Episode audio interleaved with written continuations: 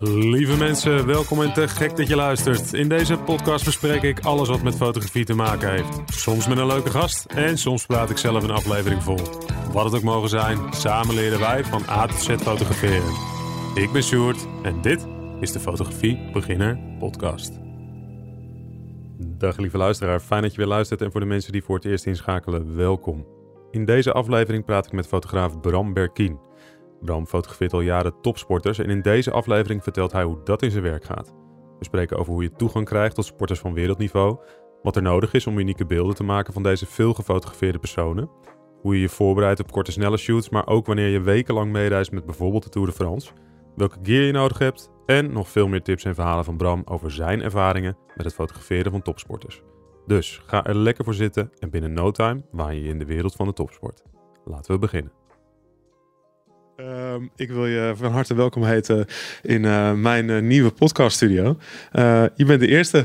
Ik heb een kleine primeur te pakken. Je hebt een kleine zeer. Zeker, zeker. Nou ja, er is nog een hoop te doen hier. En ik heb de laatste tijd op mijn social media wel een beetje mensen een kijkje proberen te geven achter de schermen, zeg maar. Um, nou ja, er is nog genoeg te doen, maar de eerste podcast is in ieder geval een feit. Over achter de schermen gesproken. We gaan natuurlijk vandaag met jou ook uh, ja, praten over wat jij uh, doet qua fotografie. Dat heeft ook wel te maken met achter de schermen en dan met name achter de schermen bij, bij topsporters. voordat we daar gaan komen, gaan we eerst maar eens even kijken wie jij precies bent, Bram. want waar kom je vandaan? Ah, ik ben geboren in Tilburg en ik woon inmiddels al 17 jaar in Eindhoven, zoals je misschien hoort. 17 jaar in Eindhoven, ja, nee, dat, dat hoorde ik wel. Ja, dat klopt. Je, je had nogal een lange rit, hè, geloof ik, vanochtend. Ja, er stond een uurtje file, maar ik, uh, ik heb het er graag voor over. Ik heb altijd met mensen uh, dat ik ze uitnodig, blijkbaar op uh, onhandige tijdstippen. Want ehm, de meeste mensen die hebben al elke keer file als ze naar mij toe moeten. Um, dus ik heb al besloten dat de volgende podcast moet ik volgens mij gewoon midden op de dag doen of zo. Dat, dat is beter. Um, maar goed, je bent, je bent er gekomen in ieder geval. Geen last van de trein trouwens, want er was uh, best wel een uh, treinongeluk, geloof ik. Uh, dat iedereen in de auto is gestapt. Of heb je er... Misschien was dat de reden. Zou, zou kunnen. Zou kunnen. Hey, maar goed, jij komt dus uit, uit, Tilburg en je woont nu al heel lang in Eindhoven. En wat kun je een beetje vertellen over je achtergrond? Wat, wat heb jij allemaal gedaan? Hoe ben jij in de fotografie terechtgekomen? Ik heb een bachelor werktuigbouwkunde gedaan aan de Universiteit in Eindhoven. toen anders. ben ik een master technische bedrijfskunde gaan doen en toen dacht ik, ik word fotograaf. Oké, okay, dus dat is wel een beetje anders gegaan dan je in eerste instantie dacht dan. Ja, ja zeker. En, en hoe, hoe komt dat dan? Wat, hoe kwam je dan in aanraking met fotografie? Ja, dat is ook wel een mooi verhaal. Um, ik was introbegeleider op de universiteit. Toen had ik al een tijdje een, eh, een compact camera. Daar ben ik toen tijdens de intro met mijn dronken hoofd op gaan zitten. ik dacht, ik wil toch wel een nieuwe camera. Toen heb ik een, mijn eerste serieuze camera gekocht, een spiegelreflexcamera. En ik was eigenlijk best wel aan verknocht. Dus ik heb hele middagen op straat gelopen in Eindhoven om gewoon te fotograferen wat ik tegenkwam. Uh, toen ben ik een keer een week in Londen geweest. Um, helemaal alleen om daar over straat te zwerven, straatfotografie uh, te schieten. Wat leuk. Ja, en toen ja, er ging toch wel iets, iets branden in me zo. Ik wilde dat toch wel verder ontdekken zo. Ja, ja wat grappig. Maar dat, de, de, ik vind het altijd heel leuk om te horen. Ja, iedereen heeft zeg maar zijn verhaal hoe die in de fotografie is beland. En uh, bij jou is dat dus al best wel, ja, toch best wel vroeg ook tijdens de studie. Ik weet niet waar je toen was, maar begin twintig of zo. Ja. Ja, is dat, is dat begonnen? En, en uh, je ging op een camera zitten en zo startte het hele verhaal voor jou.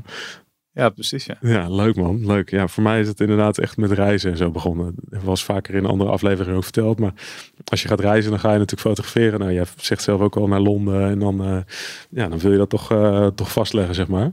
Hey, en hoe op een gegeven moment, nou ja, je bent dan met die studie bezig. daar heb je heel bewust voor gekozen.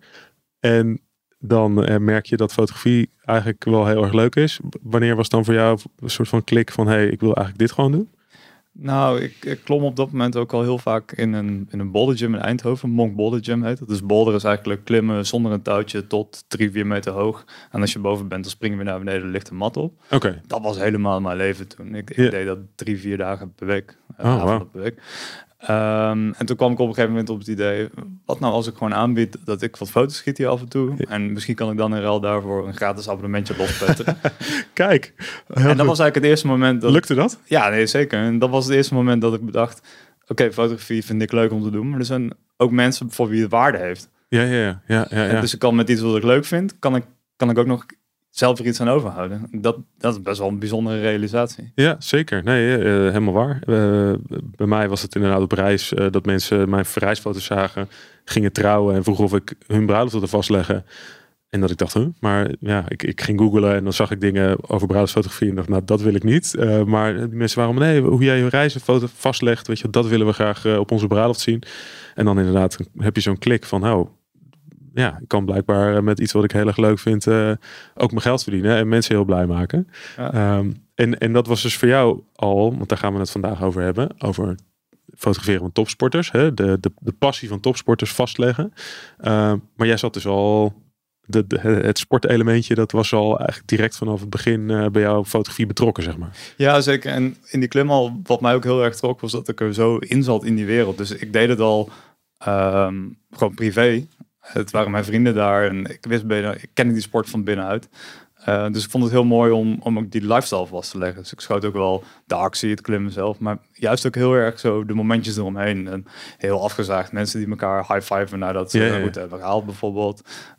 Ehm, de, de typische kleine momentjes die uniek zijn voor die sport. Dus even je handen inpoffen bijvoorbeeld. Ja, ja, Eh, ja. het intapen van je vingers als je een blessure hebt. Dit soort dingen. Ja, het is veel. Ja, grappig vind ik dat. Want dat is, ja, ja, dat, dat is ook toen jij mij. eh, nou ja, toen we elkaar, elkaar leerden kennen en even gebeld hadden. eh, begreep ik dat ook uit jouw verhaal. Dat je inderdaad juist die. Ja, die, die in-between moments. Het is niet alleen maar een soort van est- esthetisch mooie knalplaten schieten van sporters. Maar het is echt een verhaal vertellen over de sporter, over de sport. En, en dat had je dus al, nou ja, direct vanaf het begin was dat jouw manier van fotograferen, zeg maar. Ja, het was ook een beetje het vastleggen van, van mijn eigen leven in zekere zin natuurlijk. Van Ja. mijn eigen sport. Ja, Ja. wat leuk, wat leuk. Nou, wat goed om te horen. Nou, we gaan straks eh, nog veel verder induiken. Ik heb eh, zoals gebruikelijk eh, de mensen die kijken, ik zal eens even zwaaien, zwaaien, want we doen ook een video. Ehm, die weten dat ik altijd een lijstje met wat dingetjes heb. Daar hebben we net samen hier bij de Laplace hebben we even een koffietje gedaan om, om dat een beetje te fine-tunen. Ehm, om nou heel even te, te starten, zoals iedereen eh, ehm, wel weet, doe ik altijd drie dilemma's. Oh jee. Ja, het is alweer even geleden de laatste aflevering. Dus eh, ik moest even nadenken weer. Ehm, ik heb er.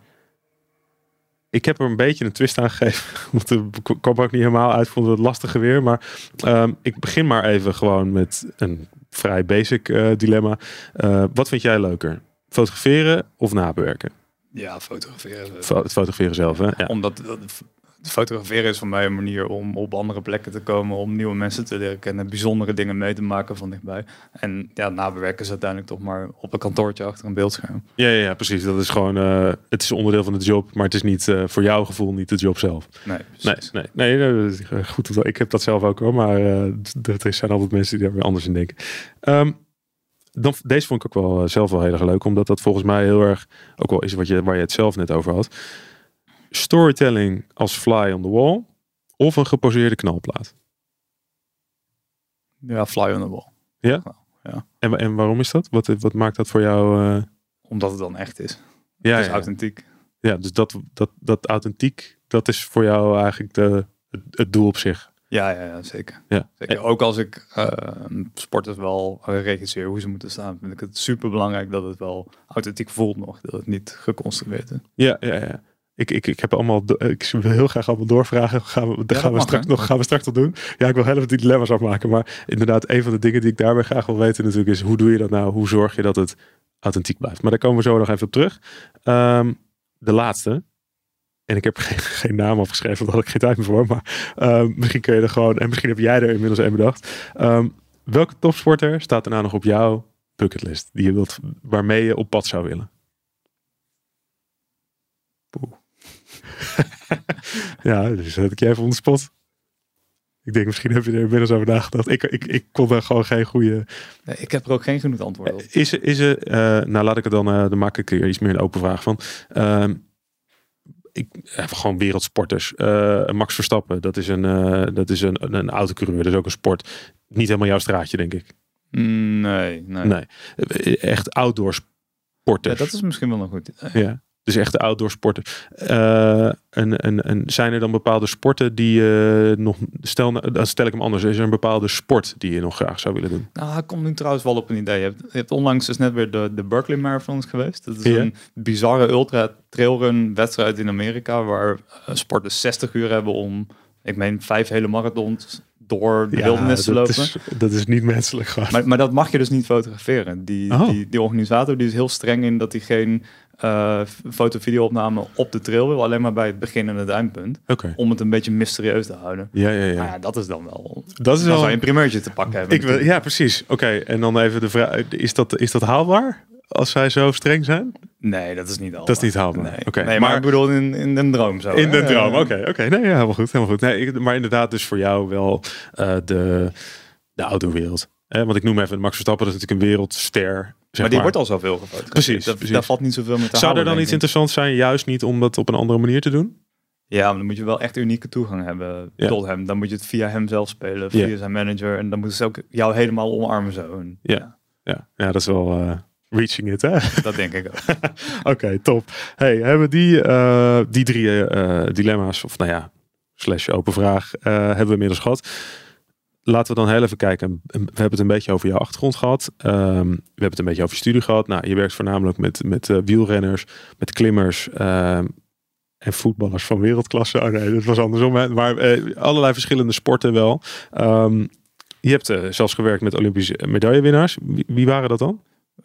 ja, onlangs nog een shoot gehad met Femke Bol bijvoorbeeld. Maar okay. ik heb ook met uh, roeiers, hockeyers, hardlopers gewerkt. Oh, dat is gaaf met Femke Bol. Want die was natuurlijk wel helemaal een paar maanden terug uh, liep hij allemaal wereldrecords. Ja, ze heeft net een wereldrecord indoor 400 meter geloof ik. Ja. Ja. Ik ben er niet op vast hoor. Maar, nee, maar ik kan me herinneren dat een maand of twee geleden of zo had zij ineens echt de peper te pakken en ze ging als een trein. Ja, zeker. ongelooflijk. Um, maar dat is dus wel, ja, het zijn wel echt sport, ja, echt wel sporters van naam waar we het over hebben. Um, want jij wilde jezelf schouderklopjes geven. Toen zei ik al, dat, dat doe ik wel, doen, Dat doe ik wel even. nou, bij deze. Um, en uh, wat je ook gedaan hebt, om even een beetje een beeld te schetsen. En we gaan daar allemaal nog verder induiken. Uh, vorig jaar ben je, uh, nou, Jumbo-Visma is al langer een klant van jou. en vorig jaar ben je als embedded fotograaf met hun mee geweest tijdens de, de, tour. Of in ieder geval een deel ervan. Hè? Ja, dus eigenlijk werk ik nu het vijfde seizoen voor ze. Als vaste freelancer, zullen we het maar zo noemen. Ja. Um, en mijn rol is altijd een de fotograaf. Maar afgelopen uh, zomer was natuurlijk het hoogtepunt van hun uh, ja. tienjarig bestaan nu met het winnen van de Tour de France. En daar was ik achter de schermen. Ja, ja, met Jonas uh, Vingegaard. Ja, klopt. Mooie naam vind ik dat. Daarom wou ik hem even noemen. Maar iedereen zal hem wel... ja, officieel moet je zeggen Vingegaard. Vingegaard, oh ja, wauw. ja, dat is, dat, zover ben ik nog niet. Maar jij, jij bent natuurlijk helemaal bij de intimi daar. Dus je weet, jij weet hoe dat moet. Um, Hey, laten we gewoon maar eens uh, starten met de vragen dan toch? Dan, uh, we hebben een beetje een lijstje gemaakt. Als allereerst hadden we opgeschreven hoe, want je, hè, je vertelde net hoe je dan begonnen bent met, met fotografie. Nou ja, als echt vanuit hobby. En dan ga je inderdaad proberen een abonnementje bij een bolder te, te krijgen door middel van je fotografie. Maar op een gegeven moment heb je gezegd, nou, ik, ik, ik wil dit echt professioneel gaan doen. Zat je toen gelijk in de sportwereld? Of, of zijn er andere dingen die je eerst nog gedaan hebt? Nou, ik denk dat ik even terug moet gaan. Dus um, toen ik dat uh, deeltje bij de sporthal of bij de klimhal uh, sloot, toen was ik gaan studeren. Toen had ik eigenlijk al bedacht, ik wil dit gewoon gaan proberen als fotograaf. Maar ik wilde nog wel zeker mijn studie even afmaken, mijn master, zodat ik zeker een backup plan had. Ja. Um, ja, en sindsdien, het heeft wel even geduurd. Daar kan ik heel eerlijk over zijn. Dus ik werkte toen op het vliegveld in Eindhoven. Voor, uh, op het platform buiten tussen de vliegtuigen. Dus ik stapelde de koffers in de vliegtuigen. Ja, ja, ja oké. ja. Loodzwaar werk. Dat geloof ik, Door weer en wind. Ja. Um, ja, nou, het heeft gewoon een paar jaar geduurd voordat ik voldoende inkomsten had om, om daar niet meer te over werken. En sterker nog, toen, toen ik daar werkte, waren er af en toe jongens van mijn opleiding die dan voor hun werk moesten vliegen naar Rome en weet ik veel wat. En dan stond ik letterlijk hun koffer in te laden. Oké. Dus, dus dat, ja, het was soms wel een beetje gênant. Ja, uh, voelde dat zo? Ja, wel een beetje. Beetje, omdat je dan... Een... Zij zijn bezig met hun carrière hier. Zij, uh, zij gaan lekker en ik, ik ben nog hier gewoon. Uh. Ja, ja, maar uh, jij was ook bezig met je carrière. Alleen, ehm, de, gewoon lange, langere, an, andere aanlooptijd. Zeker, maar je weet niet of het gaat werken. Want ik was toen al weet je nooit. vier, vijf jaar bezig. En ik bedoel, af en toe schiet je eens een lekkere opdracht. Maar er zijn ook wel maanden dat je denkt, jezus, uh, Ja. Gaat dit nou lukken? Of is dit misschien toch een moment waarop ik eens uh, kritisch naar mezelf moet kijken en denken, poh. Ja. Ik, ik, ik ga heel even bezoeken voordat de mensen denken, wat gebeurt hier? We zitten dus in een garagebox. Uh, en op de achtergrond is de buurman nu begonnen met uh, iets zagen. Ik weet niet wat, maar hij is nu ook weer gestopt. Ik, maar waarschijnlijk begint hij zo weer. maar dan weten de, de, luisteraars in ieder geval wat er precies gebeurt. terug naar jouw verhaal. Je, je, was dus bezig met je carrière wel, maar je weet niet, gaat dat nou lukken? En, en wat, je was dus zo gepassioneerd er wel over dat je wel dat aandurfde. Ja, je hebt ook wel een beetje een lange adem nodig, denk ik. Ja, ja, ja. je maar moet dat... wel echt in jezelf geloven. Uh, ook als het, uh, als het lang duurt. En je blijven ontwikkelen. Ja. En erin blijven vertrouwen dat, dat die ene kans komt. Ja, want, want oké, nou ja, de ene kans komt. Wat was, is voor jouw gevoel dan het turning point geweest? Dat je zegt van nou, dat was de kans waardoor alles is gaan lopen, zeg maar. Ja, dat was toch wel dat ik bij Jumbo-Visma kon beginnen. Ja, was dat echt? Ja, oké. ja, en en, en oké, nou ja, dan, dat, dat is dan eigenlijk een beetje de, de eerste vraag. Hoe heb jij er dan voor gezorgd dat je als fotograaf be- bekendheid kreeg in dat wereldje van de topsport? Want dan Jumbo-Visma Visma staat niet zomaar bij jou eh, op de stoep natuurlijk. Nee, als ik terugkijk, dan eigenlijk al mijn grootste, belangrijkste opdrachtgevers en kansen en zo. Dat, ja, dat klinkt misschien een beetje arrogant, maar ik heb het wel zelf gecreëerd. In die zin van, ik ben er zelf achteraan gegaan. Ja. Het komt je niet aanwaaien. En, en tientallen, honderden mailtjes gestuurd. En soms duurde het wat langer, maar uiteindelijk moet je er wel zelf super bewust mee bezig zijn. Van, ik zou graag daarheen willen. Ja. En daarvoor moet ik deze stapjes zetten. Ja, maar dat ik, ik, nou ja, ik ben zelf uh, een ondernemer ook en uh, uh, verschillende bedrijfjes gehad, de een wat groter dan de ander, maar precies wat jij daar zegt, als je dat niet hebt, um, één of twee dingen eigenlijk inderdaad die je allebei benoemd hebt, rotsvast vertrouwen in jezelf, dat het goed komt. Um, en lange adem. En inderdaad, gewoon je moet, ja, de wereld komt niet naar je toe, zeg maar. Je moet wel, uh, dat probeer ik mijn dochters ook altijd uh, te, leren, weet je wel. De, de belangrijke les, zorg dat je, als je iets wil, dan moet je wat doen. En dat, dat was voor jou dus gewoon honderden mails versturen, mensen bellen, voor de deur slapen? Of ging het niet zo ver? Nou, niet zo ver, nee. Maar um, nou, dat is ook wel mooi bijvoorbeeld. Ik heb aan, ik woon in Eindhoven direct naast het stadion. En ik heb ooit PSV een keer een mailtje gestuurd met, daar stond volgens mij letterlijk in, jongens, ik woon bij jullie om de hoek. Mochten jullie een keertje last minute iemand nodig hebben, dan kun je me altijd bellen of mailen. Ja, ja, ja. Toen kreeg ik een jaar later een mailtje of ik de dag daarna tijd had om wat te schieten. Dat was een heel simpel opdrachtje bij een, bij hun autosponsor. Daar ging de assistent trainer ging dan langs en dan moest ik een sfeerreportage van Ja, ja, schieten. ja. Het was niet het meest hoogstaande, meest Nee, maar daar begint het. Precies. Ja, want eh, als je dat goed doet. Kijk, want ik vind het al een mooi verhaal dat je dus een jaar later. Ze hebben je dus wel opgeslagen. En een jaar later gemaild. En dan sta je daar. En als je dat goed doet. Dat kan zomaar de ingang zijn naar de volgende en de volgende. En dan op een gegeven moment ben je. Ja, want zo is wel een balletje gaan rollen. Toen heb ik voor, voor PSV een aantal keer portretshoot gedaan met spelers voor hun magazine. Dus een beetje editorial eh, insteek zo. Dus we gingen met een speler een stukje lopen door de stad bijvoorbeeld. En daar een, ja, de, op mooie plekjes portretten schieten. Ja. Ehm, toen heb ik voor PSV eh, de, de, de huldiging eh, gefotografeerd achter de schermen. Toen Oh, dat is alweer even geleden. Dat is zeker Dat is alweer ja, ik ben een Ajax-fan. Dus, dus vind ik een mooi moment. Dit, nou, dit, dit seizoen wordt het gewoon fijn. Hoor. Dus wat dat betreft eh, heeft, iedereen, heeft iedereen wat. Precies, ja. Maar, maar goed, stap voor stap. En, en met die foto's van die huldiging, die zag weer de perschef van de wielerploeg. En die is ook een enorme PSV-fan. ah, Ehm, dus die was daar heel erg van gecharmeerd. En dacht eigenlijk, dit zou ik bij de wielerploeg ook wel eh, willen. dus op deze manier Precies, eh, deze aanpak zo. Deze aanpak, juist. Uh, heel even kijken dan naar, want we hebben het dan eigenlijk al wel een beetje daarover. Wat voor klanten fotografeer je en, en wat doe je dan om die uh, aan je te, te binden? Zeg maar, nou, je hebt dan PSV, Jumbo-Visma. PSV is dus een beetje dan waar het begonnen is. Ja, ja, zeker. Dat doe ik nu al minder voor. Ik heb daarnaast ook voor marketingbureaus wel veel gewerkt. Eh, Triple Double bijvoorbeeld, dat is een groot sportmarketingbureau uit Eindhoven. En die heb je ook gewoon gemaild. Ja, ook let, of- ja, zelf achteraan gegaan inderdaad. Ja, ja, ja, ja. En dan uh, kijken of je een keer op, op uh, iets, iets kleins voor ze kan doen om, uh, om voet tussen de deur te krijgen, zeg maar. Ja, en het helpt ook wel heel erg om relevant werk te kunnen laten zien. Natuurlijk. Want bij hun kon ik inmiddels laten zien dat ik met spelers van PSV had gewerkt.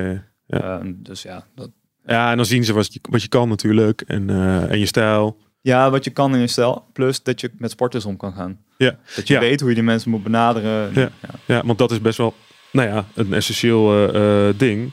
Ehm, ik kijk heel even naar het lijstje. En ondertussen uh, zaagt de, bu- de buurman nog eh, wat traptreden. Ehm, even kijken hoor.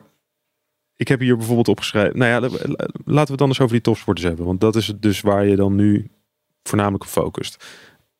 Hoe krijg je nou toegang tot zo'n topsporter inderdaad? Dat is natuurlijk een groot... Hè? PSV is het een speler of een team misschien. Bij Jumbo-Visma is het, een heel groot team. Eh, hoe werkt zoiets?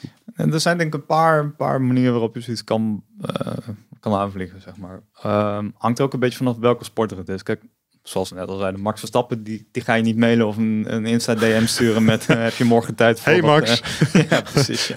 Ik ben Bram. Maar, maar ik denk dat heel veel sporters, vooral uit de, de, ja, de niet grootste sporten zoals voetbal, Formule 1 en zo, dat die ook heel erg openstaan voor, voor fotografen die met hun contact opnemen. Gewoon. Ehm, dus je kunt prima zo'n sporter een berichtje sturen op Instagram met eh, zo, mag je een keertje volgen tijdens de training, heb je een keertje zin in, Ja. in een shoot. Ehm, Maar dat voelt bij een wiel, wielersport, terwijl de wielersport gigantisch is. Zeker als je het over een Tour de France en dat soort... En, en een Jumbo-Visma die natuurlijk aan dat soort eh, evenementen meedoen. is gigantisch. Maar dat voelt inderdaad toegankelijker. Nou, bij wielrennen is dit misschien ook moeilijk. Want wielrennen is natuurlijk een sport waarbij sporters in een team, eh, voor een team werken eigenlijk. Ja. Dus dan zou de meest logische manier zijn om via de ploeg eh, toegang te krijgen. Ja. Ehm, en een, een derde manier is, is via een sponsor. Ja, Dus er zijn sportmerken bijvoorbeeld van kleding of van schoenen en zo, die, die ehm, altijd content nodig hebben met die sporten. En Ja. eh, als je voor hun kan werken, dan kun je ook met sporten samenwerken. Ja, ja, ja, ja, precies. Want dat is inderdaad ook een ingang. Als je met, een- met een bepaald merk samenwerkt, wat weer met, dat, met die wielerploeg of zo eh, in, in contact staat. Ja, Ja. Leuk. Ehm, het is wel eh, even hoor je, jongen, ik weet niet wat dit maken is, maar Ik ben wel heel benieuwd wat er zo meteen in wat- garagebox hiernaast staat. ik, precies. We straks eens even kijken, want dit, dit, dit is- hij is aan het vrezen of zo, joh, ik weet het niet. Ehm, terug naar de topsporters. Ehm, even kijken, want we hebben, eh, nou ja, waar we het dan net over hadden, we hadden het over authenticiteit en dat, dat was wat je, ik zou er nog op terugkomen. Jij wil eh, authentieke foto's van die sporters maken, hè? dus je wil ervoor zorgen dat je eh, niet zomaar het zoveelste portretplaatje maakt van zo'n sporter, want dat, dat hebben we wel gezien. Jij zei zelf tijdens eh, ons gesprek van, eh, dan heb je het bijvoorbeeld, ik ben geen persfotograaf. Ik sta niet langs de, de lijn eh, bij een voetbalwedstrijd te fotograferen. Ik wil graag met ze de kleedkamer in. Dat klinkt gekker dan. Dat klinkt gek. ik zei het en toen dacht ik, dat klinkt gek. Nee, maar ik- je snapt wat ik bedoel. Je wil graag met echte achter de schermen. eh, de, de, de echte sport, de persoon achter de sporter misschien wel. Nou, hoe ik het zie is... Kijk, bij een voetbalwedstrijd of bij de finish bij een wielerwedstrijd... daar staan tientallen fotografen. En het voegt gewoon niks toe als ik daar ook nog bij ga staan. Om, Ja. om ook weer dezelfde foto te schieten als al die andere mensen. Ja. En dan maak ik liever iets anders. Ja. Iets wat uniek is. Dus, ehm, en de reden waarop ik dat aanvlieg is, is door dus unieke toegang te proberen te krijgen. Ja, Eh, Dus er de- zit heel veel werk eh, voor het fotograferen eigenlijk. Ja, het- het- Om die toegang te krijgen. ja, precies, ja. Want, want eh, eh, je, we hebben het net even over hoe je begint als, als fotograaf. Maar dat. En dan, het zal misschien eh, op een gegeven moment makkelijker tussen aanhalingstekens worden. Omdat je een wat bekendere naam bent in de sportfotograafwereld. Maar je moet nog steeds werken. Om, hè, het is niet dat het je nu allemaal aankomt waaien, denk ik. Nee, dat punt komt denk ik nooit. Nee, nee. nee dus, maar wat is dan. Dus het, blijft het dan gewoon continu mailen, eh, mensen benaderen? Eh, is dat, of zijn er nog andere dingen die je, die je doet? Je hebt een website, volgens mij. Je blogt ook eh, zelf wel geregeld, zo hè? Ja, af en toe in mijn social media hou ik ook wel bij, maar niet, niet super erg. Ik merk dat voor mij toch de beste manier is gewoon contact opnemen. Ja. Gewoon het persoonlijke contact. En het liefst nog mensen gewoon zien dat we een gezicht bij jou hebben en snappen hoe je een beetje als persoon overkomt. Ja, ja. Want bij sport is het ook wel... Ik merk dat vooral teams en, en managers zo, dat die heel beschermend zijn voor hun sporters. En terecht, hè. Hmm. Maar ehm, een belangrijk deel van mijn werk is denk ik dat mensen het vertrouwen hebben dat ik met die sporten om kan gaan. Dat ik geen gekke dingen doe, dat ik ze niet te zwaar belast bijvoorbeeld. Ehm, Ja. Als je dat allemaal aan kan voelen, dan heb je echt al een streepje voor. Ja, ja, dus inderdaad dat menselijke contact, eh, dat is gewoon ontzettend belangrijk. Nou ja, naast het fotograferen zelf heb je dus gewoon, nou ja, ik kom daar elke keer weer eh, bij terug. Ik merk het in mijn eigen werk, maar ik hoor het ook van veel andere fotografen in de, in de podcast. de, de people skills zijn gewoon wel, ja, als je met mensen werkt, is dat gewoon wel, ja, misschien wel de helft van het werk. Ja, nee, zeker. Misschien wel meer bijna, omdat je het fotograferen zelf, het werken met licht, daar kun je ook nog steeds beter in worden. Het is niet dat dat, eh, dat, dat op een gegeven moment uitgeleerd is, maar de, de, de ja, het people skills, gewoon weten hoe je met mensen om moet gaan, hoe je ze op hun gemak kunt brengen. Ja, is, kun je daar wat voorbeelden van geven hoe je dat dan gedaan hebt met, met grote sporters bijvoorbeeld? Wat zijn... Dan zou ik mezelf ook niet bizar eh, goede people skills toedichten. Maar- weet ik niet. Ehm, nou, ik denk dat... Dat heb ik toevallig laatst nog van, van Femke Bol al gehoord tijdens mijn shoot. Zij vond dat ik heel snel werkte. Oké, En dat vinden sporters toch ook wel heel fijn. Want ze is zelf ook uiteindelijk razendsnel. is- Precies. nee, maar eh, voor een sport is dat altijd een sport op één. Ja. En alle andere dingen, die, die accepteren ze er wel bij. Maar het moet niet eh ten koste gaan van, van hun prestaties. Nee. Dus als je sneller kan werken, dan wordt het altijd op prijs gesteld. En als je ook eh, begrip hebt voor bijvoorbeeld Femke, die, die kon dan niet te zwaar trainen op de dag dat wij met haar schoten. Dus ze kon niet 30 keer op en neer rennen. Nee, Nou, dan doen we het in drie keer. Ja, ja, ja, ja, precies. Dus dat zijn wel dingen waar je natuurlijk rekening mee moet houden. Je Ja, kan niet eh, maar continu eh, vragen van, eh, kun je ren nog eens even 400 meter? Ja, dus, dus zij vroeg ook letterlijk hoe vaak heb je nodig. Ik zei nou, ja, maximaal zo vaak. Vroeg ze, kan het ook in zoveel? Dan zei ik, ja, oké, dan, dan Ja. laten we dat passen zo. En Ja. daarmee krijg je wel vertrouwen van haar. Dat ze het misschien uiteindelijk nog wel één of twee keer extra doet. Maar het gaat wel om dat zij zich gehoord voelt. En zo. Ja, ja, ja, ja, ja. Dus dat is een belangrijke... eh, ehm, nou ja, ja, die people skills, dat is gewoon ontzettend belangrijk om dat eh, voor elkaar te krijgen. En zeker bij topsporters had ik niet eens echt aan gedacht inderdaad. Eh, ja, zij trainen natuurlijk dagelijks. En ze hebben hele strikte schema's waarop ze trainen en hoe ze eten en hoe laat. En daar kun je natuurlijk niet zomaar even een, eh, een snipperdag van maken, zeg maar, voor ze. Dat- Nee, nee, nee, zeker. Je moet je als fotograaf van sporters ook neer kunnen leggen bij het feit dat jij niet de regie in handen hebt uiteindelijk. Dat inderdaad wat Ja. je zegt, ze moeten een bepaalde tijd eten. Ja, ja dat, dat- en daar, daar doen ze ook geen concessies in, denk ik. Nee, nee, nee. Dus je, je, je kan ook niet zeggen, we gaan om, eh, om vijf uur gaan we naar buiten toe, want dan is het licht mooi en zo. Het, eh, je moet toch een beetje kleuren binnen de kaders die, die jou gegeven worden. Zo. Ja, ja, ja. En krijg je dat van tevoren? Zijn dat, ik neem aan dat wel dingen, dat dat wel ook dingen zijn die van tevoren bespreekt of te horen krijgt. Ja, dat je ja. niet eh on the spot eh, eh, een plan hebt en dat dat niet, niet blijkt te kunnen, want. Nee, maar soms moet je toch doen met wat je hebt. Ja. En Maar hoe ook- bereid je je dan voor? Voor dit soort. als we gewoon zo'n shoot met Femke Bol pakken, dan kunnen we straks eens even over Jumbo Visma, want dat is dan een langer traject. Maar zo'n shoot met, met Femke Bol, wat zijn dingen die jij doet om je, om je dan voor te bereiden? Eh, nou, in dit geval schoten we op Papendal, topsportcentrum. En daar Ja. zijn best wel wat foto's van te vinden op internet. Dus ik heb me daar wel even goed in, in verdiept, zo, eh, wat het licht op die locatie was. Ehm, ik was er toevallig ook eerder geweest, dat helpt natuurlijk, of hielp natuurlijk ook. Ja.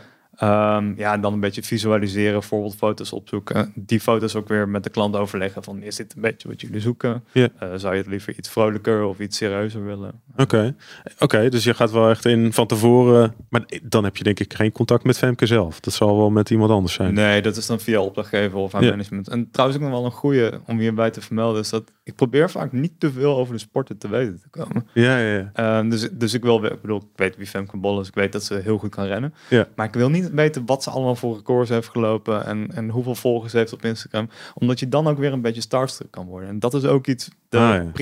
echt direct doorheen. ja Als je te, ja. veel, te veel ontzag hebt voor ze... van wat, ben jij, wat ben jij een geweldig persoon zo... dat Dan- moet je niet hebben. Nee, maar dat krijgen ze de hele dag door al. Dus je, ik vind het dan fijner om niet te veel van ze te weten. Dat ik zo Meer een soort gewoon... persoon, een menselijkere benadering of zo. Precies, dat ik zelfs gewoon persoon zie in plaats van de grote Oh joh, heb jij Femke 3 Bol. miljoen volgers op Instagram? Wat grappig. ik heb er, eh, nou ja, ik weet niet hoeveel ik er heb. 300 geloof ik. Ehm, even kijken. Wat is hij nu aan het maken, denk je? Ja, dit is denk ik eh metaalzagen. Metaalzaag. Ja, het frame van iets. Oké, ehm, even kijken. Wat, wat doe jij anders dan andere sportfotografen? Dat is dan misschien even een... eh, die hadden we ook opgeschreven en daar stond, stond bij dat authenticiteitsstukje. Je benoemde net al even dat persfotografen, dat je dan... Het heeft geen zin om dan daar ook te gaan staan.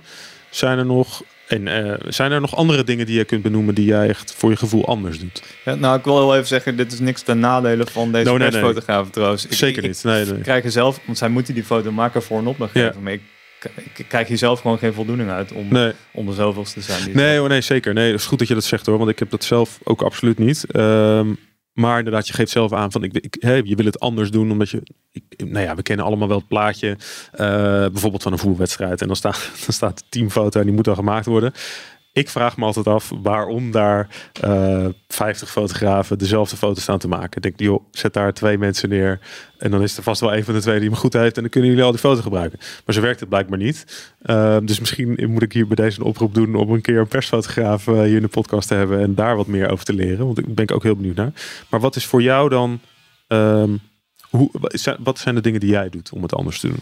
Nou, het punt authenticiteit vind ik wel belangrijk. Wat ik altijd heel belangrijk vind, is dat het gewoon recht doet aan de sport. Dus ik, ik ga er zelf ook niet zo goed op als uh, een fotograaf een sport veel spectaculairder neerzet dan die eigenlijk is. Dan, dan suggereer je voor mij eigenlijk dat de sport van zichzelf nog niet spectaculair genoeg is. Ja, ja, ja. Dus, um, en ook bij het in scène zetten van, van uh, acties in de sport of zo, vind ik het moet er wel spectaculair uitzien, maar het moet wel zijn zoals het echt is. En ik ja. kan niet zo goed uitleggen waarom ik dat zo belangrijk vind. Want er is natuurlijk inherent niks verkeerd aan iets, iets spectaculairder maken of zo. Nee, maar ik snap je heel goed. Want uh, als ik naar mijn eigen werk kijk, ik doe, nou ja, zoals de vaste luisteraars misschien wel weten, doe ik uh, geregeld uh, bruiloften. Zeker de afgelopen tien jaar natuurlijk veel bruiloften gefotografeerd. En, en de tagline op mijn, op mijn persoonlijke website is raw and real. Dus dat is voor mij ook een heel uh, belangrijk element. Ik, wil het ook niet. Uh, ik zeg ook altijd tegen de bruidsparen die ik fotografeer. Um, ik hoef het niet mooier te maken dan wat het is. Het is prachtig zoals het is. Uh, zelfs als het regent. Het, het, het, is jullie verhaal. En dat is wat het dan mooi maakt. Ik, hoef dat verhaal niet mooier te maken. En misschien is dat een beetje ook wat jij bedoelt. De, de, de sport in het zelf is al prachtig. Want anders beoefenen mensen het niet. Um, dus je hoeft het niet te gaan zitten opsmukken of zo. Nee, nee, precies ja. En, en ook bijvoorbeeld met het schieten van portretten van sporters. Dus als ik wel de regie heb, dan vind ik het ook niet zo interessant om ze anders te presenteren dan ze zijn. Hmm. Dus iemand die een heel uh, lieve vrouw is bijvoorbeeld, ja, dan voel ik me niet geroepen om die persoon als een heel stoer persoon te fotograferen opeens. En, en, en dat merk je dan want je zegt, ik wil niet te veel over die persoon weten. Is dat dan meer feitjes? Of, want je, je merkt dan dus dat het een lief persoon is. En dan wil je het op die manier vastleggen? Ja, gewoon in de interactie met iemand Ja, merk je wel hoe die persoon is. Toch? Ja, ja, ja, ja. En, dan, en dan werk je dan in je hoofd met een bepaald type licht of zo om die sfeer te creëren? Dat je zegt van nou, liefelijk licht of zo. Of ik wil juist hard licht, omdat het dan eh stoerder oogt. Nee, dat is denk ik te moeilijk gedacht. Ja? Ehm, ik, ik werk veel met natuurlijk licht, zeker voor portretten en zo. Ja. Ehm, maar ik werk ook zeker met, met studio's die ik op locatie opbouwen en zo. Ja. Maar mm, nee, niet zo, niet zo ver uitgedacht. Ja, nou, Nee, nee, ik zat. Misschien zou ik dat moeten doen. Nee hoor, geen idee. Maar dat zat ik me inderdaad even af te vragen van hoe, hoe werkt dat dan? Ehm, nou ja, laten we het dan eens over de gear hebben. Want dat is toch ook altijd wel leuk om het, om het heel even over te hebben. Je, je benoemt zelf al dat je... Oh, ik ben mijn lijstje kwijt. Eh, je benoemt zelf al dat je ehm, dus veel, veelal met natuurlijk licht werkt. Ehm, en ook wel studio's op locatie. Nou, daar kunnen we het dan zo nog eens over hebben. Maar dat natuurlijke licht. Nou ja, dan heb je dus een camera. Ga ik vanuit. En eh, wat lenzen. Wat is, dan, wat is dan voor jou de keuze daarin? Hoe, wat neem je mee? Nou, als ik eh, dus eh, registreer, zeg maar, dus, dus niet de regie heb, maar volg wat er gebeurt. Dus bijvoorbeeld bij een wielerwedstrijd, daar werk ik eigenlijk altijd met een 35 mm lens en een 70-200. Waarbij die. 70-200 op een eh spiegelreflexcamera zit. En die andere is een mirrorless camera. Oké. Waar ik eigenlijk altijd mee werk tegenwoordig, maar die 70-200 lens die past alleen op die spiegelreflexcamera. Dus dat Oh ja. de reden dat ik hem nog. Dat is de reden dat je... hem nog- Wat, waar schiet je mij dan? Eh, met een Nikon D850 ja, en een ja. Z6 voor die 35 mm. Ja, oh. Daarnaast heb ik nog een Z7 II die ik voor studiowerk vooral gebruik. Vooral voor studiowerk. Oké, oké. Dus ja, oké. Dus je bent een, een Nikon, eh Ja, ja, Nikonian, hoe, hoe heet zoiets? Eh, is, dat, is dat voor jou iets? Want ik, ik moet er altijd een beetje op lachen. Het is een beetje de, de Apple eh, Windows eh, discussie natuurlijk. Nee, ik voel hier echt nul emotie bij. Nee, toch? Ja, precies. Sorry Nikon. ik Nee. weet ook mezelf nu uit de marktprijs als Ik- influencer voor me. Maar Je weet het niet. Nee, eh, eh, nou ja, ik ben zelf inmiddels ook. eh, eh, ik heb alle drie de grote merken eh, gehad. Ik ben ooit met, met Nikon begonnen. Of, of Nikon, Nikon, weet ik hoe je het noemt. Ehm, toen ben ik naar Canon gegaan en eh, inmiddels zit ik bij Sony. Dus wat dat betreft, eh, ehm, ja, het, is maar een tool, toch? Dat is gewoon. eh, ja, Het idee. ja, zeker. Ja. in de editing merk je het misschien wel een beetje. Ja, ik heb nooit Canon-beelden bewerkt, dus ik, ik zou het verschil ook niet kunnen zeggen. Nee? Zo, nee. Nee, nou ja, daar heb ik wel. Da, je hebt natuurlijk als fotograaf, nou ja, heel even kleine sidestep, maar je hebt natuurlijk als fotograaf wel een bepaalde voorkeur voor. Jij wil graag dat groen er zo uitziet. Weet je wel, een bepaalde voorkeur voor je kleurpalet, om het zo maar te zeggen. Alhoewel ik het vrij natuurlijk probeer te houden, maar dat, dat voorkeur, die voorkeur heb je wel. En het ene merk sluit misschien beter aan bij dat kleurpalet. Of ja, hoef je minder te na te bewerken om tot dat kleurpalet te komen. Ik denk dat dat het een beetje is. Maar voor, voor mij is het verder ook. Uh, ja. ja, het is ook niet alsof je je hele Nikon set gaat verkopen nu. Omdat je erachter komt dat Canon betere kleuren heeft. Voor jou specifiek. Nee, nee, dat is ook zo. Het is meer op een gegeven moment stond ik op het punt van ik moet weer eens wat wisselen. En toen uh, kwam ik tot die conclusie. En laatst kwam ik tot de conclusie dat Sony wel uh, aardig uh, aan de weg timmerde met de, so met de mirrorless camera's natuurlijk. Overigens kennen ook. Dus nou ja, het maakt er helemaal niet zo heel veel uit. Um, even over de locatie dan. want je gaat dus ook wel eens op locatie. Wat, wat bouw je dan op? Bouw je, ga je dan met verlichting werken? Je bedoelt een studio op locatie? Ja, studio op locatie, ja precies. Nou, wat ik dan vaak doe is inderdaad een achtergrond neerzetten en uh, okay. wat lampen erbij voor, voor portretten. Ja. Um, dus bijvoorbeeld voor, voor de wielerploeg moet ik vaak één keer per jaar alle portretten van alle uh, renners en ook staf schieten. Ja. Um, oh, dat is, uh, ik weet niet hoe groot is Jumbo-Visma? 100 man ja, of zo? Ondertussen wel bijna 200. 100, bijna 200, zo. Ja. Oké, okay. dus dat, dat is al een aantal dagen werk, denk ik. Nou, twee. Ja? Oh, dat doe je vlot. Ja, ik zei net al dat ik snel werkte. Ik dus, wil het zeggen, ja. Oh ja, nou, twee dagen? Dat doe je 100 man per dag? Ja. ja. Wauw. Hoe, hoe dan? hoe, hoe dan? nou, rennen ze allemaal door het beeld? Of, uh... Nee, voor die renners neem ik wel wat meer tijd natuurlijk. Ja, ja, dus, ja. dus het idee is dan dat we voor een heel jaar eigenlijk van die renners uh, portretten schieten. Maar dan ook een afwisseling daarin. Dus ze staan er echt van voor, ze staan ingedraaid, uh, close-up, uh, Ja. full body. En daar kunnen we dan een heel jaar putten. Hoeven ze niet steeds een keer langs te komen. Ja, Als een ja. sponsor een, een beeld nodig heeft van top tot teen voor een, voor een marketingactie. Dan hebben ze dat gewoon en dan, eh, ja. Dus, ja. Dus dat is gewoon go goede setup neerzetten, goede verlichting. En dan is het redelijk makkelijk klikken. Maar ja, dan moet je nog steeds wel de, even de persoonlijke connectie met iemand vinden. Ja, maar dan scheelt het dus dat ik al lang uh, bij die ploeg werk en die renners gewoon goed ken. Ja, ja, ja, iedereen komt binnen. Hey Bram, we gaan weer een rondje doen. En, uh, ja, ze weten al wat ik van ze wil. ja, ja, precies. Oké, okay, dus dat, dat is gewoon, uh, nou ja, dat bouw je dus op. Dat bouw je dus op. Je werkt er niet voor niks al, of je werkt niet voor niks al vijf jaar voor hun. Dat vinden ze dan ook prettig, dus. Ja, nee, zeker. Dat is ook de overweging van de ploeg ooit geweest om mij daar op die manier bij te trekken. Ja, ben, ben jij uh, de enige fotograaf die dan voor bijvoorbeeld Jumbo-Visma zo embedded meewerkt? Of hebben ze er meer? Nee, in principe ben ik inderdaad de enige. Okay. Uh, ze nemen wel nog op andere manieren beeld af. Dus bijvoorbeeld ja. bij, bij uh, fotopersbureaus wedstrijdbeeld. Ja. Dat schiet ik eigenlijk nooit. Dus oh, ja. ik zit niet op de motor of zo. Nee, nee, nee, precies. En dat, nee, dat kunnen ze dan afnemen. Ja, ja. leuk, leuk. Um, nou ja, misschien is het leuk om, uh, om dan eens zo'n ervaring met Jumbo-Visma erbij te pakken. Want ik, ik, was daar wel heel erg benieuwd naar. Je hebt dus vorig jaar, we stipten het in het begin al even aan, ben je met Jumbo-Visma um, op meegeweest. Embedded fotograaf, we hebben de term een paar keer laten vallen. Dat betekent dat je gewoon eigenlijk continu overal aanwezig bent. Uh, tijdens de Tour van 2022 ben je meegeweest. Voor een deel, niet alles begreep ik. Kun je daar wat meer over vertellen? Ja, klopt ja. Uh, dus embedded fotograaf is in, in dit geval betekent het eigenlijk dat ik gewoon onderdeel van de ploeg ben. Dat ik een staflid ben zoals elk ander. Um, met mijn eigen rol in het team. Dus Ja. ik zit in het hotel met, uh, met de ploeg. Ik ontbijt met de ploeg. Ik ga met ze mee de hele dag. Ja. Ehm, en hoe dat bij zo'n, bij zo'n Tour de France werkt, is dat ik dan de eerste paar dagen ben ik daarbij. Um, ook vooraf al. Dus, dus eigenlijk drie, vier dagen voordat de eerste etappe begint, uh, kom ik aan met de rest van de ploeg. Dan, dan wordt er nog wat getraind, er wordt wat dingen worden fine-getuned. Um, dat is een heel goed moment om, om ja, wat lossere beelden te schieten. Zo kan ik bij massages zijn bijvoorbeeld. Ja. heb je dan Um, overal, heb je overal toegang toe? Ja, ja, zeker. Ja. Ja. Dus je kan gewoon rondlopen en, en uh, je mag fo wel lekker fotograferen gewoon. Ja, dus, dus bij massages, maar ook bij besprekingen in de, in de bus. Um, uh, besprekingen van, uh, van tactiek bijvoorbeeld. Ja. Um, wel natuurlijk met, met de aanname dat ik daar discreet mee om kan gaan. Ja, ja. Dus dat ik geen geheimen deel met de wereld. Nee. Uh, en ook een beetje aanvoelen wanneer ik er wel en niet kan zijn. Ja, dus het is ook, ja, precies. Dus dit, ja, ja, ja, een beetje uh, mensenkennis. Uh, als je een bepaalde blik krijgt, dan weet je dat je even een rondje doorloopt. Ja, of als er een, bijvoorbeeld een keer een renner uh, gevallen is en het hmm. ziet er echt niet goed uit of zo, dan hoef ik daar zelf ook gewoon niet bij te zijn. Daar voel ik me niet echt toegeroepen. Nee, nee, nee, nee.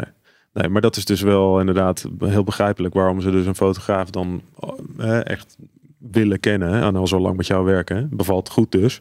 Ehm, omdat ze dan ook het vertrouwen hebben dat, het, dat jij dat weet allemaal. Ja, ja, precies. Ja. Dat ze mij vertrouwen dat ik geen dingen deel en dat ik niet moet delen. En, Ja. ja.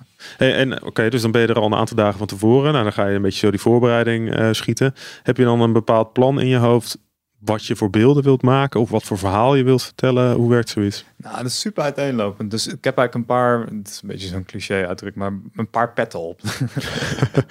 de, dus één daarvan is eigenlijk eh, content produceren voor de ploeg zelf, voor op social media, voor het archief, voor bij nieuwsberichten en zo. Ja.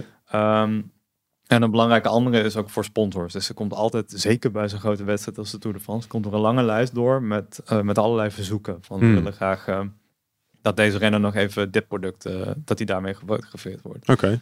Ehm, ja, en die probeer ik eigenlijk, ja, daar heb ik best wel veel vrijheid in. Probeer ik gewoon in die paar dagen een beetje af te werken. Zodat ik echt die, die lange shotlist zo stukje voor stukje een beetje wegtik. Oké, en dat lijkt me nog best wel eh, inge- ingewikkeld met een bepaald product. Moet je dan de rugtas met al die producten mee en dan zie je ineens, eh, nou, eh fingerguard, finger, ik weet zeggen niet goed, maar eh, lopen en zeggen, kan jij even deze shampoofles vasthouden? Hoe werkt zoiets? Nee, nee, het gaat dus wel om dingen die...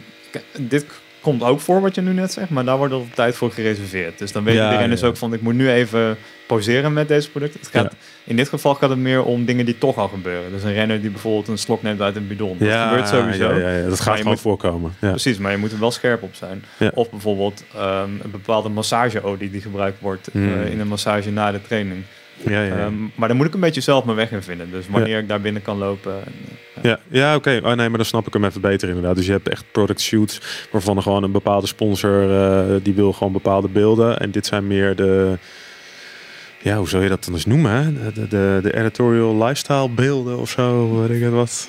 Oh, Geef, ik een hele mooie term. geef er een naampje aan, ja, zoiets toch? Ja, ja wat grappig. Maar dat, daar moet je dus wel scherp op zijn.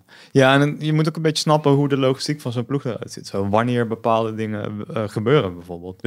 Ben jij zelf een wielrenner eigenlijk? Nou, geworden eigenlijk. Sinds, Geworden. Ik, sinds ik die man... Het wel grappig. Ik had eigenlijk nog bijna nooit wielrennen gefotografeerd. En toen begon ik bij ja, een van de beste ploegen van de wereld. Maar, maar dat is wel leuk, want dan ben ik op trainingskamp mee met die man. En dan zie je ze twee uurtjes fietsen. Dan gaan ze een koffietje drinken, een stukje gebak. En dan nog een stukje verder fietsen. Ik dacht van, ja...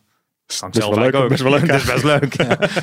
Ja, precies. En die fiets staat er nu toch, want zij zijn koffie aan het drinken. Dus, eh, of eh, nee, zo niet natuurlijk. Maar, maar ik snap hem wel. Ja, nee, eh, als je dat natuurlijk ziet eh, en, je, en je hebt zelf, eh, eh, nou ja, een beetje een sportachtergrond, dan eh, prikkelt dat wel. Ja, ja, zeker, zeker. Leuk, leuk.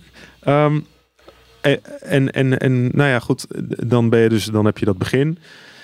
En dan ben je even een tijdje weg, want je bent er niet de hele, hele tour bij. Nee, maar Waarom is dat? Waarom is dat dan? Nou, dus het idee is eigenlijk dat ik in die, die paar dagen dat ik er ben, dus vooraf, eh, voor de eerste etappe, dan schiet ik meestal op twee, drie etappes, eh, schiet ik wel mee. Dus dat is dan voor en na de wedstrijd vooral. Eh, tijdens de wedstrijd sta ik meestal op één of twee punten tussendoor nog, bijvoorbeeld waar dan bidonnen worden uitgereikt. Ehm, en het idee is dat ik daar zoveel beeld schiet, wat redelijk algemeen is, zodat het nog eh, de week daarna ook gebruikt kan worden. Relevant is, ja. Ja, precies. Want je, je ziet natuurlijk, probeer dan zo te schi- schieten dat je niet ziet of het op dag 1 of op dag 6 was. Ja, maar stel nou, eh, da- da- jij bent er op dag drie nog en op, en op dag zes niet meer. En op dag zeven winnen ze een etappe. Ja, dat is jammer. Dat is echt jammer dan? Ja, maar je kunt dat niet van tevoren voorspellen. N- nee, nou ja, ik heb wel eens eh, mij laten vertellen dat ze wel eh, weten welke eh, etappes ze hun oogje op hebben, zeg maar zeggen.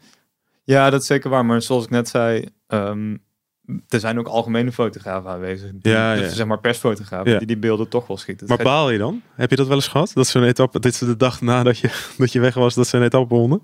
Ja, er zijn wel hele mooie overwinningen geweest waar ik graag bij was geweest. Ja. inderdaad, ja. Als ik dan ook zie wat andere fotografen hebben geschoten daar, dan denk ik wel van Oh. shit, dit had ik ook wel. Balen dat ik er niet was. Ja. En dan op een gegeven moment kom je dus weer terug. Want het laatste deel van de eh, tour doe, je- ben je er wel weer bij. Ja, ja, zeker. Eh, vooral in de Tour ben ik eigenlijk altijd bij in het slot. Ja. Omdat dat gewoon zo'n grote race is. Ja. Maar ja, daar moet je gewoon bij zijn. Ja.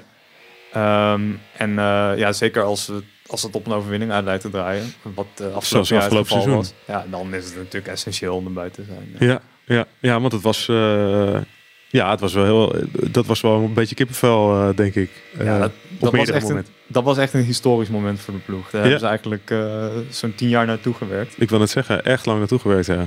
En hoe, hoe was dat? Hoe werd dat dan? Is het dan totale ontlading bij iedereen? Nou, dat is wel bijzonder, want eigenlijk de ontlading was de dag daarvoor al wel geweest. Ja. De, de laatste dag in de Tour de France, dat is altijd een beetje een, een optocht, zeg maar. Fietsen met champagne, hè? dat is het idee dan. Ja, letterlijk dat, ja. Ja, ja precies. Ja. Um, maar ja, alsnog is het wel natuurlijk, dan is het officieel. En, en om dan zo mee te gaan in die stroom van, van eh viering en van huldiging en zo, dat was wel een heel unieke ervaring. eh. Ja, ja, dat kan ik me voorstellen. Nou ja, dat is als, dan als eh, zo'n soort event ehm, mogen fotograferen voor een ploeg eh, die dan ook nog wint inderdaad. Dat is ook voor jou als eh, nou ja, eh, topsportfotograaf, om je dan even zo te noemen.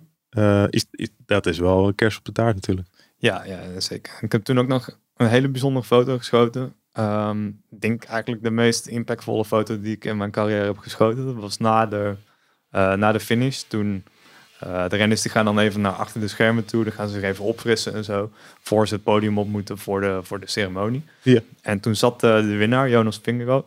Die zat met zijn vrouw, zat hij op een bankje. Even bij te komen zo. En ehm, de zon die scheen zo precies door zijn deuropening, scheen zo naar binnen toe, op hun toe. Hij had zijn gele draai aan, zij had een gele jurk aangetrokken voor de gelegenheid. Ja. En ze omarmen elkaar zo op zo'n manier die zo ja, intiem en veelzeggend is. Ja. Ehm, ja, dat, dat deed maar echt iets. Ehm, terwijl eigenlijk als je er simpel naar kijkt, is het een hele... Technisch is het niet zo'n bijzondere foto. De compositie is ook niet bijzonder. Nee. Maar het is gewoon zo'n menselijk moment Ja, dat het mensen echt raakt. Gewoon heel veel mensen heb ik gehoord dat ze de kippenvel van kregen. Of misschien een klein traantje moesten wegpinken. Ja. Ehm, en iedereen ziet er ook net iets anders in. Dus de een ziet er ja, ontlading in. De andere toch ook een soort van opluchting. ja, opluchting, uitputting. Ja. Eh, Misschien wel ehm, al die keren dat je, dat je zoveel hebt opgeofferd. Weg was bij, je bij je vrouw. En dat, je, dat het, het nu dus waard Het menselijke naast het onmenselijke van drie weken fietsen, zeg maar. Ja.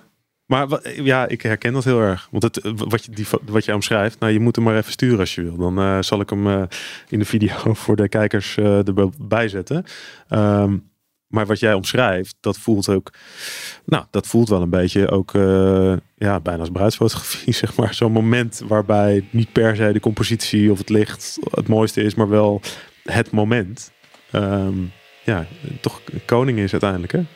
Ja, grappig. Leuk. Ik kijk eventjes, want we zitten er al eh, 47 minuten in. eh. Jezus joh, het voelt alsof we een kwartier bezig zijn. ja, dat gaat altijd zo. En ik denk dat de buurman inmiddels zijn trap wel bijna af heeft. Die is misschien aan zijn tweede trap begonnen nu. Dat is een, een trappenmaker, daarom zeg ik dat het een trap. Ehm, ik ga in de nabewerking maar eens even kijken van deze podcast of ik dat een beetje uit kan halen. Maar ehm, wat ik nog wel heel even ehm, ook aan jou wilde vragen. Als een soort van afsluiter. Want er zijn nog zoveel dingen die ik je wil vragen. Maar ik wil eh, altijd het format een beetje ehm, honoreren. Wat is nou de meest epische trip die jij gemaakt hebt? En welke foto staat er nou direct op je netvlies? Want dan kan ik die er ook nog even bij doen. En eh, daar ben ik nou wel heel benieuwd naar. Ja, dat is eigenlijk wel grappig. Dat, is, eh, dat heeft niet direct iets met topsport te maken, maar ergens ook weer wel. Ehm, toen ik ja, een paar jaar geleden heb ik- heb ik een paar keer een trip gemaakt voor, voor Mountain Network. Dat is een eh, klimcentrum, maar die organiseren ook bergsportreizen. Oké. Ehm, en een van die reizen die was naar de Mont Blanc toe. Dus dan beklim je eigenlijk in een week tijd met, met acclimatiseren en testen, of ja, oefentrip zeg maar, beklim je de Mont Blanc. Ja, zo. Doe maar. Ehm, ja, dat, dat vind ik gewoon een heel vette avonturen om die te beleven.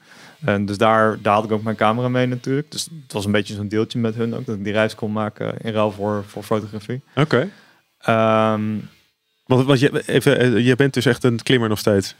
ja, dan, het is een tijdje geleden dat ik echt hoog de bergen ben geweest. Maar ik vind het toch wel heel vet om te doen. Ja, lijkt Ja. me vet om dat weer een keer te doen. En, ja. Dus dit was een goede, eh, goede aanleiding, zeg maar. Ja, ja, ja, zeker. Ja. Ja. Ehm, ja, en die ervaring van die bergbeklimmen, dat was toch wel heel bijzonder. Omdat het, ehm, het was nog best wel spannend. Omdat het, het weer werd slechter en zo. En de, dus de foto die je uiteindelijk bij zal voegen, dat was Dat waren we echt al een hele tijd bezig. Ik denk wel zes, zeven uur of zo. En toen dacht ik van, nou, nou zijn we er toch echt bijna. en toen kwamen we op een soort van hoogvlakte, waarbij je dan de piek van die berg zo in de wolken ziet lopen. Zo bijna alsof het een soort van Disney kasteel is dat zo in, Oh, de, in, de, in de wolken ligt. Ehm, maar daar, ik vind het gewoon heel vet, want omdat ik, dus ik fotografeer sport, maar ik ben zelf ook best wel een sporter. En ik denk dat die dag ook gewoon de dag was dat ik mijn beste sportprestatie ooit heb geleverd. Oh, ja. ik daar zo snel omhoog ben gegaan uiteindelijk nog. Ehm, en gewoon echt het gevoel heb gehad van, nu heb ik het maximale uit mezelf gehaald, sportief gezien. Dit was echt, dit, ik ben nog nooit zo diep gegaan. Zo en, diep en het is gewoon gelukt. En, en ik heb er een foto van. Dus daarom is misschien die foto van jou dan ook nog... Ja, daar komen al die herinneringen Komt dat allemaal naar boven? Ja. ja. want dat is wat fotografie doet, toch? Herinneringen maken en eh, terughalen. Het is een beetje een cliché, maar daarom klopt het. Ah, clichés zijn vaak wel clichés omdat ze waar zijn.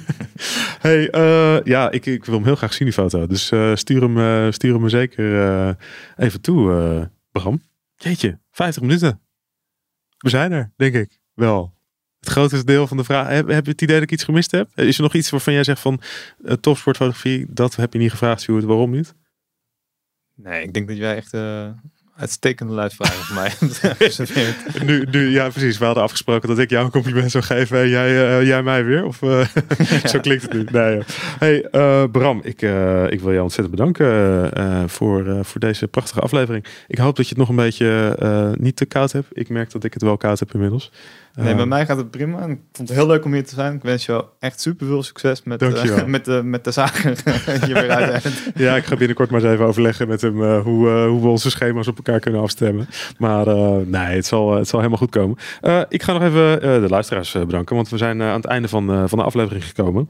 Eh, ik hoop dat je ervan genoten hebt. Eh, ik eh, in ieder geval wel. Ik heb, ik heb ook weer heel veel mooie dingen mogen leren. Ehm, wil je nou op de hoogte blijven van nieuwe afleveringen? Want de bedoeling is om wel echt vrij geregeld nu nieuwe afleveringen te gaan maken.